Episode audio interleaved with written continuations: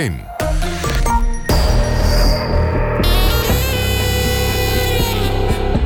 Argos. Onderzoeksjournalistiek van de VARA, Human en de VPRO. Max van Wezel. Goedemiddag, welkom bij Argos. Wij zijn uw onderzoeksprogramma op Radio 1. En we besteden aandacht aan drie onderwerpen vandaag. Hoe kan het dat je meer dan een jaar ten onrechte in de gevangenis zit... wordt vrijgesproken door de rechter en toch geen schadevergoeding krijgt? Dat overkwam de Somaliër Jama. Zijn advocaat Floris Holthuis komt er zo over vertellen. En straks zit ook verslaggever Colette van Nuna aan tafel... Ze bereidt een project voor over een inburgeringsklasje. Daarbij werkt Argos samen met de site De Correspondent. U kunt met de uitzending meepraten. De hashtag is Argos Radio 1. NPO Radio 1. Argos. Maar nu eerst het onderzoek. Twee weken geleden werd voor de rechtbank in Groningen een dokter urenlang ondervraagd over details van een operatie van negen jaar geleden. Het ging over de zaak van baby Jelmer. Misschien herinnert u zich die naam nog. Verslaggever Sanne Boer ging vijf jaar na onze uitzending over baby Jelmer kijken hoe het er nu voor staat. Luister naar haar ontluisterende verslag. Het is zo dat uh, artsen en ziekenhuizen zijn alleen aansprakelijk als de patiënt kan bewijzen dat de dokter een fout heeft gemaakt. Te groot om op schoot te hebben eigenlijk. Hè? Hey. Dat kan niet meer, jou, hè? Hey. Dat zij erkennen dat het onder hun verantwoordelijkheid is gebeurd... dat hij geworden is zoals hij nou is. Na zoveel meetings, advocaatkosten en dergelijke... ja, ze hebben er nog niks meer opgeschoten. Hm? Ja, er wordt gewoon over deze mensen heen gewalst. Dit is het verhaal van baby Jelmer. Jelmer Mulder. Negen jaar is die inmiddels. Jelmer is een van een drieling. Hij had last van zijn darmen. Daaraan werd hij geopereerd toen hij zes weken oud was. En twee weken geleden zaten de ouders bij de rechtbank om te luisteren naar getuigenissen over wat er bij die operatie is gebeurd. Goedemorgen. Ik kom voor de zaak Mulder, Veenstra. Voor het getuigenverhoor. De eerste verdieping. De eerste verdieping? Ja, dat heeft bij de balie dan. Het is een snikhete donderdag. Verslaggever Sanne Boer meldt zich bij de rechtbank in Groningen. Dag. Ik kom voor de getuigenverhoren. Okay. We hebben van tevoren om toestemming gevraagd, maar de rechter wil niet dat we tijdens de zitting opnames maken. Daarvoor is de zaak te gevoelig. In de hal treffen we, voor het begin van de zitting, de advocaat van de ouders, John Beer. Dag meneer Beer. Goedemiddag. Goedemiddag. Kunt u zeggen waarom we hier zijn?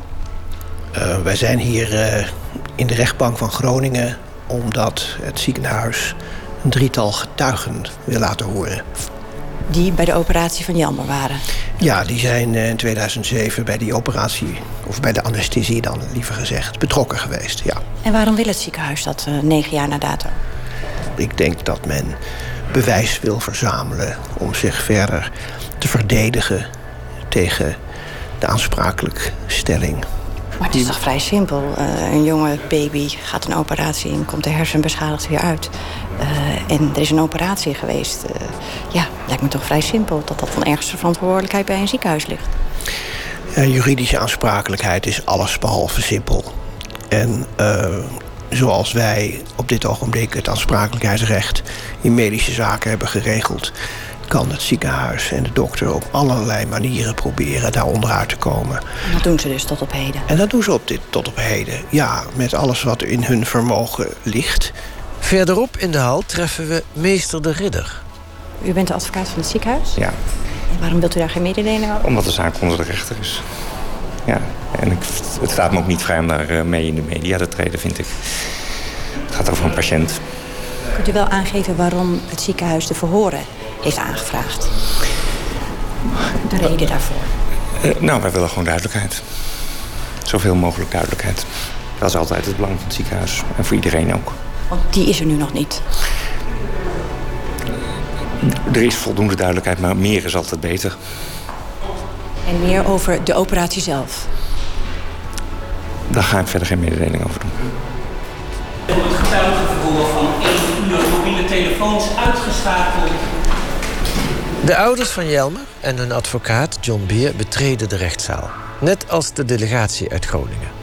Het hoofd juridische zaken en de advocaat van het Universitair Medisch Centrum... een mevrouw van de verzekeraar en de anesthesioloog.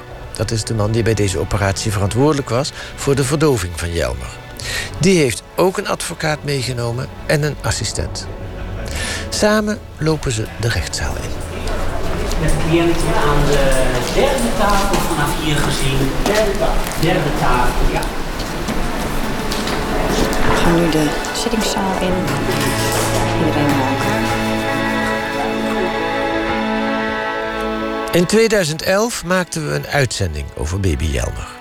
Samen met zijn broertje en zusje is hij geboren in het ziekenhuis in Zwolle. Een paar weken later wordt Jelmer overgeplaatst naar het Academisch Ziekenhuis in Groningen voor een operatie. Daar zit een gespecialiseerd kinderchirurgisch centrum. En toen werd dus duidelijk dat er gewoon echt uh, nou ja, bijna geen activiteit was in zijn hersenen. Hij ging gewoon uh, verder gezond na een operatie en een paar dagen later heeft hij geen hersenen meer. Dat klopt gewoon niet. Jelmer is zwaar gehandicapt geraakt. Terwijl zijn, zijn broer en zijn zusje op dit ogenblik dagelijks naar school huppelen, ligt hij op zijn rug te kijken naar een mobiel die boven hem zweeft. Dag jongens. Dag. Goed naar de juf luisteren? Ja. Ja. Komt goed. Hoi. Hoi. Direct na de operatie van Jelmer vraagt het Groningse ziekenhuis een second opinion aan bij het Academisch Ziekenhuis in Utrecht. En dat concludeert dat het erop lijkt dat de hersenbeschadiging is opgelopen tijdens de operatie. En waarschijnlijk is veroorzaakt door een lage bloeddruk en een lage hartslag. De ouders van Jelmer willen weten wat er precies is gebeurd tijdens die operatie. Het Academisch Ziekenhuis in Groningen geeft geen openheid van zaken. En de inspectie voor de gezondheidszorg doet erg lang over een onderzoek. Na 3,5 jaar komt de inspectie met haar rapport. Het is een kritisch rapport. Kritisch over de anesthesioloog en over het ziekenhuis. We vatten samen wat er in het rapport staat. Bij de operatie van Jelmer was geen kinderanesthesioloog. De normale bloeddruk van Jelmer was niet bekend. Er waren problemen met het opbrengen van de zuurstofkap voor de narcose. De bloeddruk en de hartslag van Jelmer waren laag tijdens de operatie. Jelmer kreeg een zeer hoge dosis medicijnen. Er was een slechte overdracht tussen de doktoren. De verslaglegging van de anesthesioloog was onvoldoende. Alle patiëntinformatie, gemonitord tijdens de operatie, is verloren gegaan omdat de stekker uit de apparatuur is geweest. Daardoor zijn er geen gegevens meer beschikbaar om na te gaan of de anesthesioloog zijn werk goed heeft gedaan. Het ziekenhuis in Zwolle stuurde Jelmer speciaal naar een kinderchirurgisch centrum in een academisch ziekenhuis in Groningen. Maar nu blijkt dus dat het UMCG niet aan de eisen voor zo'n kinderchirurgisch centrum voldeed. Er stond geen kinderanesthesioloog aan het bed van Jelmer. In plaats daarvan een algemene anesthesioloog met een leerlingassistent. Dat had in Zwolle ook gekund.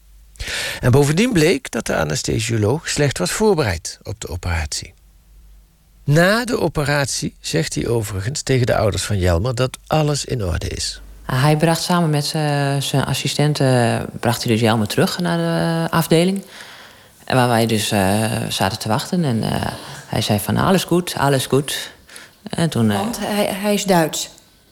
Ja, of een Duits accent. hij sprak met een Duits accent, alles goed. En vervolgens ja, heeft hij Jelmer overgedragen aan de verpleging. En ja, je denkt alles goed, mooi, blij. Dus je concentreert je op je zoontje. Maar het gaat helemaal niet goed met Jelmer. En meer dan drie jaar later beschrijft de inspectie voor de gezondheidszorg de fouten die gemaakt zijn in het ziekenhuis. Maar de inspectie trekt dat rapport later weer in en vervangt het door een tweede, veel minder kritisch rapport. Na onze uitzending start de Nationale Ombudsman een onderzoek. Zaak rond baby Jelmer schokt Nationale Ombudsman. Dames en heren, goedenavond. Snoeiharde kritiek van de Nationale Ombudsman aan het adres van het Universitair Medisch Centrum Groningen en aan het adres van de Inspectie voor de Gezondheidszorg. Ze hebben op schokkende wijze gefaald in de zaak van baby Jelmer, zegt de ombudsman. Die baby onderging een vrij simpele operatie, maar raakte, doordat er fouten werden gemaakt, zwaar gehandicapt. Vier jaar lang proberen de ouders al antwoord te krijgen op de vragen die ze hebben. Maar het ziekenhuis en ook de inspectie laten het volledig afweten. En dat is onacceptabel, zegt de ombudsman. Ik kan alleen maar één ding bedenken: dat het, dat het toch gewoon een beetje de arrogantie van de macht is. En ook minister Schippers spreekt zich uit. Nou, als je als ouders dit overkomt, dat is echt je ergste nachtmerrie. He, want ten eerste uh, wat er met je kind gebeurt... en ten tweede hoe het daarna wordt opgepakt. Uh, de inspectie heeft het uh, niet goed gedaan. Ze heeft van de zomer ook publiekelijk en aan de ouders terecht hun excuses aangeboden. En ja, dit moet gewoon beter. De nationale ombudsman vindt het onbegrijpelijk... dat de inspectie voor de gezondheidszorg haar eerste rapport heeft vervangen.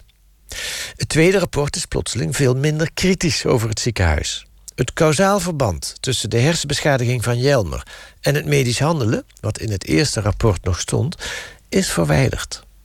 Het kan niet anders dan dat dit onder druk van de advocaat van de anesthesioloog is gebeurd, concludeert de nationale ombudsman. Jaren gaan voorbij. Het UMCG heeft regelmatig laten weten dat de zaak van baby Jelmer enorme indruk op ze heeft gemaakt. En dat ze er veel van geleerd hebben. Dat meldt het NOS-journaal nog in januari van dit jaar. Hier weten ze wat het is. In 2007 raakte een baby na een operatie ernstig gehandicapt. Hoe ingrijpend is dat voor een arts? Enorm. Ja, daar is geen twijfel over. Wij zijn hier niet in huis om mensen kwaad te doen. Van de fouten die toen zijn gemaakt heeft het ziekenhuis geleerd. Ieder incident moet intern gemeld en besproken worden... en de arts in kwestie wordt door collega's benaderd om erover te praten. Ook bij de Inspectie voor de Gezondheidszorg... heeft de calamiteit diepe indruk gemaakt. Dat vertelde Ronnie van Diemen, de baas van de inspectie... in onze uitzending in juni. In deze omvang, uh, met zo'n traject van meerdere jaren... wat mij betreft kan dat niet meer gebeuren. En even nog heel concreet, de ouders van baby Jelma zijn nu nog altijd in juridische procedure verwikkeld met het ziekenhuis. Dus opgelost is het nog niet. Nee.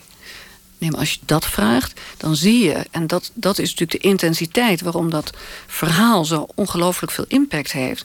is dat wat daar ooit niet goed is gegaan... een verhaal is wat zo lang doorgaat. Met de effecten voor Jelmer, met de effecten voor het gezin... en met al die juridische procedures. Dus uh, volledig uh, terecht om te zeggen...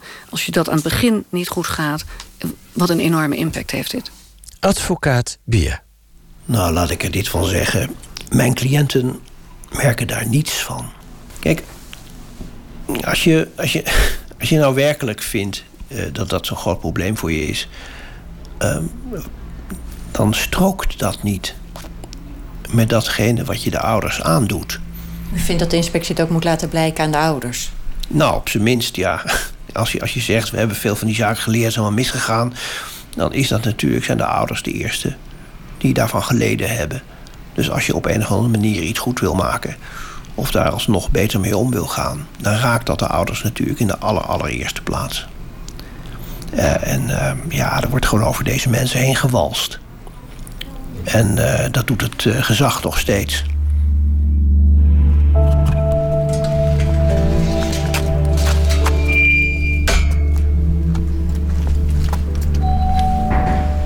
We zijn altijd contact blijven houden met de ouders van Jelmer. Hester Veenstra en Marco Mulder. Afgelopen weken zochten we ze weer op. Hey Esther, hi. Was ik te vroeg? Nee, nee, nee, nee, nee, nee goed. Hey. Hi. Hi. Zo, had je net thuis? Ja, ja, ja altijd. Ja. Ik haal hem altijd uh, nou, rond twee uur, uh, weet je, dan moeten ze nog even praten en zo. En dan uh, ben ik altijd net zo rond half drie thuis. Dus. Hallo Marco. Wil je zo wat drinken? Oh, Jelmer krijgt net eten. Drinken. Jelmer zit op schoot bij Marco, zijn vader. In de voorkamer van hun verbouwde boerderij, even buiten Zwolle. Jelmer draait met zijn ogen, kijkt overal en nergens. Marco geeft Jelmer verdikt sap te drinken. Slokje voor slokje, want slikken gaat moeilijk. Dat moet tien keer per dag, een half uur. Jelmers benen en armen liggen, vanwege zijn spasme, in een vreemde houding. Ja, te groot om op schoot te hebben eigenlijk. Hè? Hey. Dat kan niet meer, jongen. Hey. Het is ook bijna op, jongen. Ja? Ja, dat kan weer bijna op. Jelmer is nu negen jaar. Hij is ook zo groot als een kind van negen. Op schoot zitten wordt steeds moeilijker. Ik heb er niet gekild, man. Hey. Hey. Niet gekild. Hoe ziet het dagelijks leven van Jelmer eruit? Nou, in principe is er de hele dag eh, iemand met hem bezig. hij is vroeg wakker, hij komt s'nachts meerdere keren. En s'morgens, uh, ja, vier ochtenden in de week gaat hij naar een dagcentrum. Dus je bent s'morgens eerst druk om hem op tijd klaar te hebben voor de taxi. En tussen de middag haal ik hem weer op. En dan de rest van de middag en de avond is eigenlijk uh, ja, steeds met hem bezig. Therapie en eten, drinken geven. Uh, oppassen dat hij uh, zich niet verslikt. Want hij kan niet praten. Nee. En hij kan zichzelf niet omkeren. Nee, hij kan zelf functioneel zeg maar niks. Dus alles moet je voor hem doen. Hoe weet je dat uh, s'nachts dat hij zich niet lekker voelt? Hoe merk je dat? Dan huilt hij. En hoe kan je hem dan helpen? Meestal, want hij is spastisch. Dus meestal moet je hem dan uit zijn spasme zien te halen, zeg maar. Hoe doe je dat? hem samen krom. spasme, dan strekt hij alles. Dus je moet hem of krom doen. Of, ja. En ja, hem omdraaien op zijn andere zijde. Dat kan hij dus allemaal niet. En dat is elke nacht wel een paar keer? Ja. En, en wie doet dat dan? Meestal Marco. Jij lacht erbij, Hester, uh, want jij doet de zorg voornamelijk overdag. Ja, Marco doet ook veel overdag. Als hij uh, uit zijn werk komt, dan neemt hij meestal wel over. En s'nachts uh, gaat Marco er meestal heen, want die kan er net wat beter tegen dan ik. Fysiek is de zorg voor Jelmer zwaar. Maar er is nog iets. De hulp die ze krijgen moet steeds opnieuw aangevraagd worden. Steeds weer formulieren invullen afwijzingen krijgen, in beroep gaan. Hester en Marco hebben getwijfeld of ze hun verhaal weer in de media willen vertellen. Want het allerlaatste wat ze willen is klagen. Ze willen geen ouders zijn die zeuren. Ze willen wel vertellen hoe moeilijk het is om Jelmer de goede zorg te kunnen blijven geven en dat het ziekenhuis daar alles behalve aan meewerkt. Die frustratie over de strijd met het ziekenhuis, die zit hun hoog.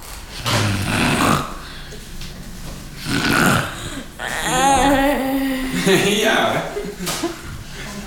Ga je even praten, Jan? Er komen Luc en Maaike op de fiets aan vanuit school. Luc voorop. Door het raam van de woonkeuken zijn Maaike en Luc, de zus en broer van Jelber, in de verte te zien op de fiets.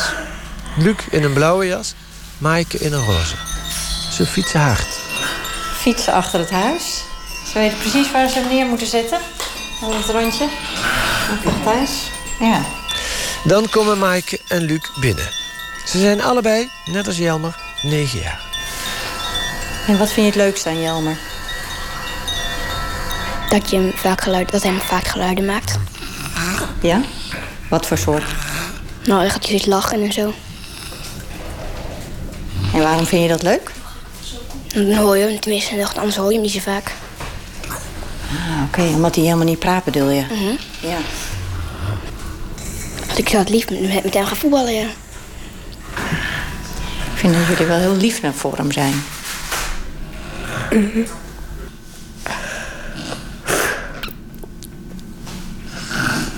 Wat maakt je verdrietig? Och, wijfie. Ja. Ja. En wat maakt je dan zo verdrietig? Nou, dat hij anders is dan anderen. Vind je dat naar voor hem of voor jullie gezin? Naar voor hem. Denk, denk je dat hij jou goed kent? Dat weet ik niet. Ja, is soms wel lastig. En wanneer is het lastig? Nou, bijvoorbeeld als hij gaat huilen, dan moet ik de hele tijd aan zijn haar. En als ik dan ga weer weg, dan gaat hij over een paar seconden weer huilen. En dan moet ik weer de hele tijd dat doen. Moet je aan zijn haar? Nou, dat vindt hij fijn.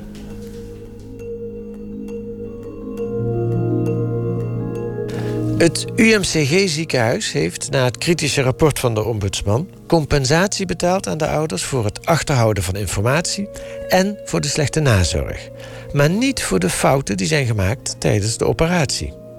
Om geld te krijgen voor de zorg voor Jelmer zijn de ouders tot op de dag van vandaag in een juridisch gevecht verwikkeld met het UMCG. De moeder van Jelmer verwoordt wat ze verwacht van het ziekenhuis. Dat zij erkennen dat het onder hun verantwoordelijkheid is gebeurd... dat hij geworden is zoals hij nou is. En dat zij dan ook verplicht zijn om ervoor te zorgen... dat hij dan in ieder geval de zorg krijgt die hij nodig heeft.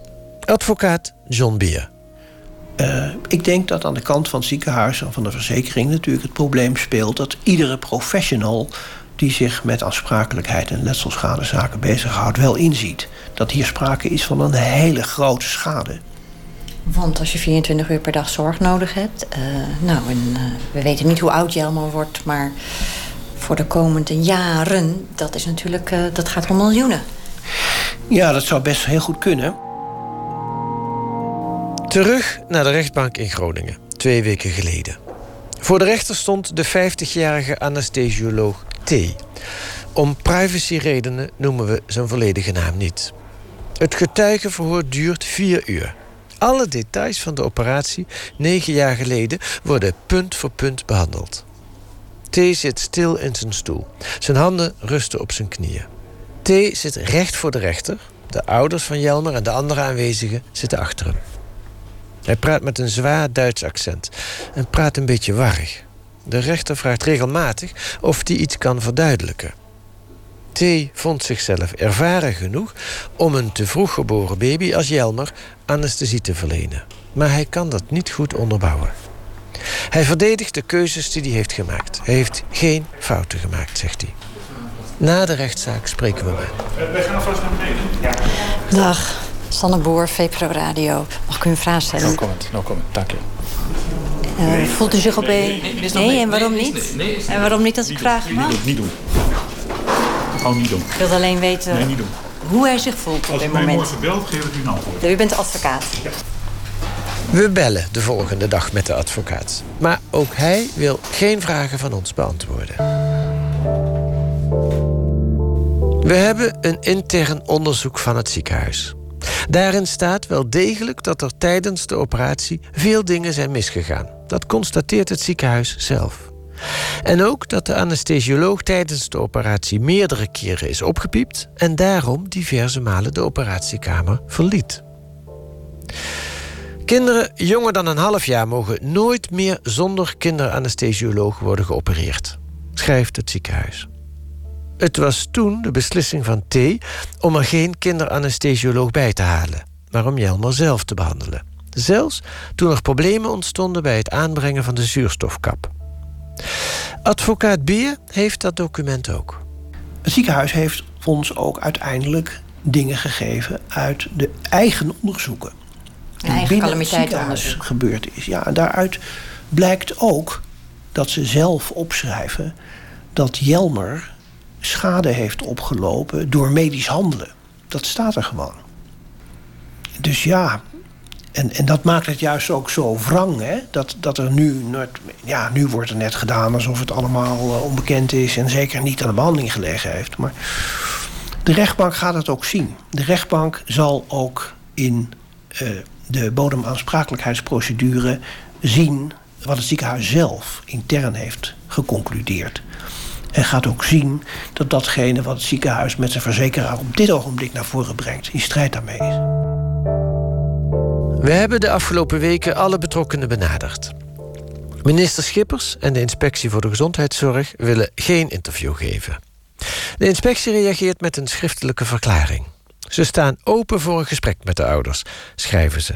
Maar eerder hebben ze aan advocaat Beer laten weten dat er geen sprake van kan zijn dat het tweede, veel mildere rapport over baby Jelmer wordt ingetrokken. Vier jaar geleden werd kinderarts Ronnie van Diemen de nieuwe baas bij de inspectie. De opvolger van Gerrit van der Wal. Advocaat Beer. Uh, nou ja, toen had ik de hoop dat een, uh, een nieuwe uh, inspecteur-generaal kinderarts...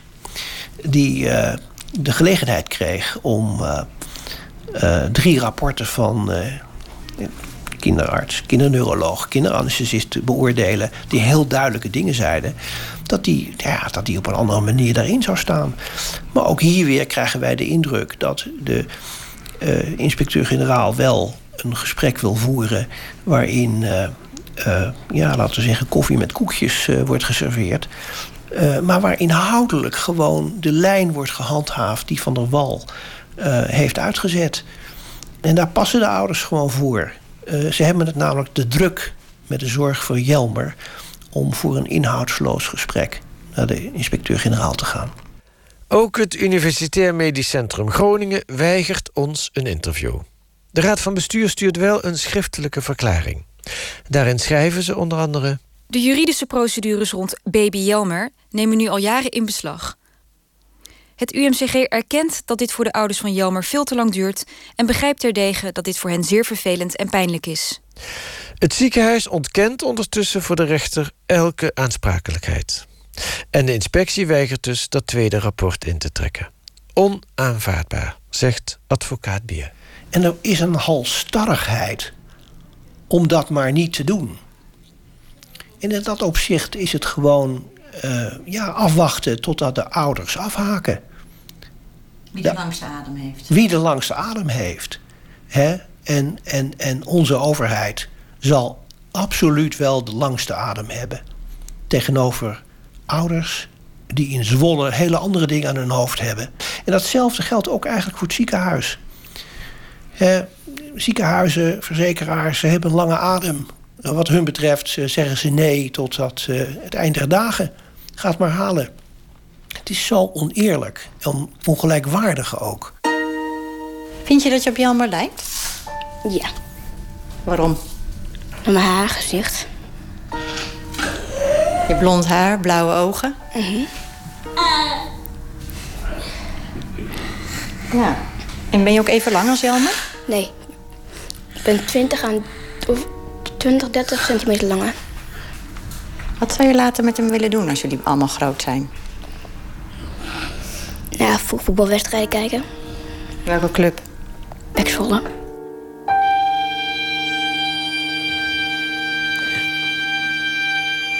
De halstarrigheid van het UMC Groningen. U hoorde een reportage van Sanne Boer, Joline Kramer en Kees van der Bos.